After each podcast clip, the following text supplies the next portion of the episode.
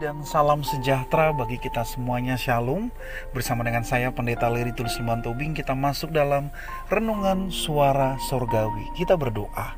Bapa, terima kasih untuk waktu dan kesempatan yang indah di mana kami boleh mengawali di bulan yang baru Di bulan Mei di tahun 2020 ini Dengan penuh pengharapan kepadamu.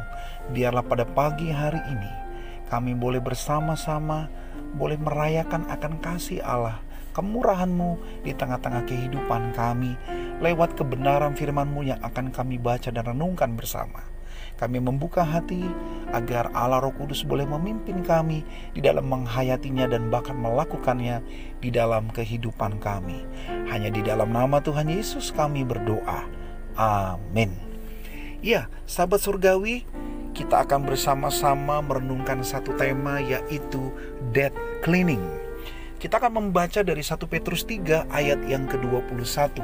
Firman Tuhan berkata demikian, Juga kamu sekarang diselamatkan oleh kiasannya, yaitu baptisan, maksudnya bukan untuk membersihkan kenajisan jasmani, melainkan untuk memohonkan hati nurani yang baik kepada Allah oleh kebangkitan Yesus Kristus.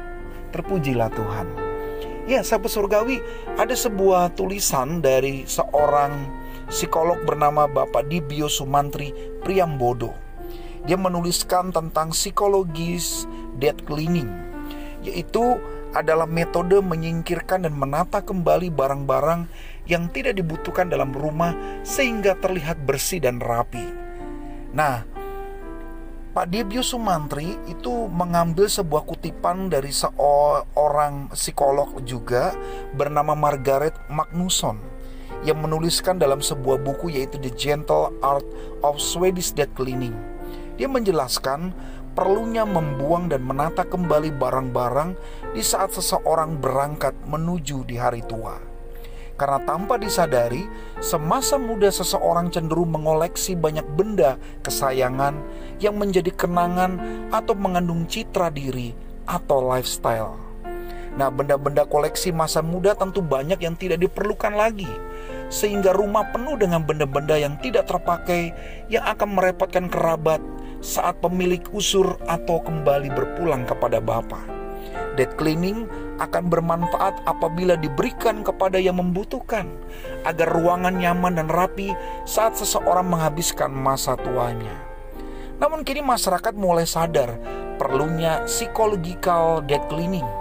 Lansia tidak hanya membuang koleksi benda tidak manfaat, melainkan juga membuang perasaan negatif, pemikiran destruktif, cemburu, iri, dengki, angkara murka, atau dendam kesumat Semakin lanjut usia seseorang, sepatutnya lah kita juga melakukan psychological dead cleaning, yaitu menata kembali pola kehidupan agar kita bisa menerima sumeleh terhadap takdir kehidupan ini.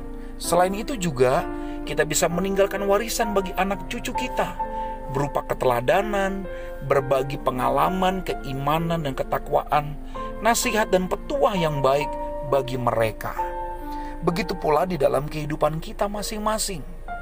Kita menyadari bahwa ada banyak hal yang perlu dibersihkan di dalam kehidupan beriman kita. Jikalau selama ini adalah hal yang menghambat di dalam kehidupan kita, khususnya di dalam menghasilkan buah-buah yang baik di dalam kehidupan rohani kita, yang sangat nampak di dalam segala hal yang kita jalani, apakah itu lewat pelayanan, lewat pekerjaan, lewat segala talenta yang Tuhan karuniakan. Biarlah itu boleh kita bersihkan untuk kita bisa menghasilkan pikiran-pikiran yang baik, bahkan karya-karya yang indah di dalam kehidupan kita, dan bahkan itu akan menghindarkan kita menjadi pribadi-pribadi yang sering kali menutup diri atau merasa diri hebat dan menjadi batu sandungan di dalam kehidupan ini.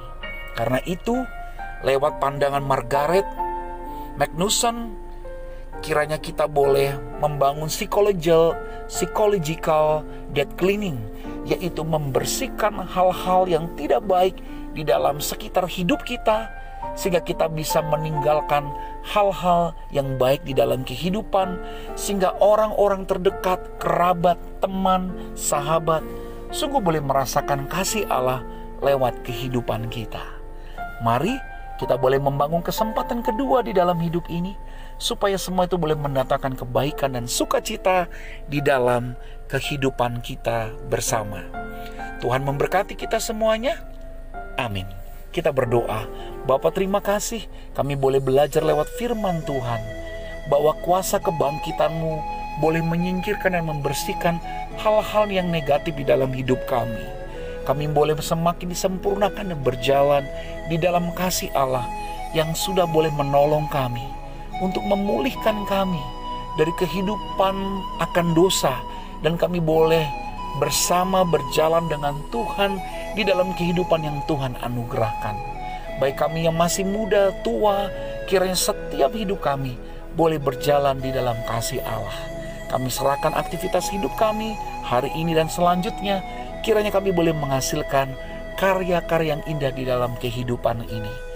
Kami mau belajar untuk menyingkirkan hal-hal yang negatif di dalam hidup kami, bahkan hal-hal kebiasaan yang tidak baik, untuk kami boleh melangkah di dalam kehidupan yang baru, untuk kami bisa menghasilkan buah-buah yang baik di dalam kehidupan ini.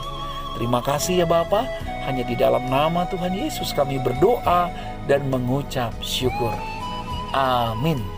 Ya sahabat surgawi tetap semangat dan kiranya kita dimampukan untuk membersihkan, menyingkirkan segala yang tidak baik dalam hidup kita dan kita boleh mengalami sukacita dan kebahagiaan bersama dengan Tuhan. Tuhan memberkati kita selalu.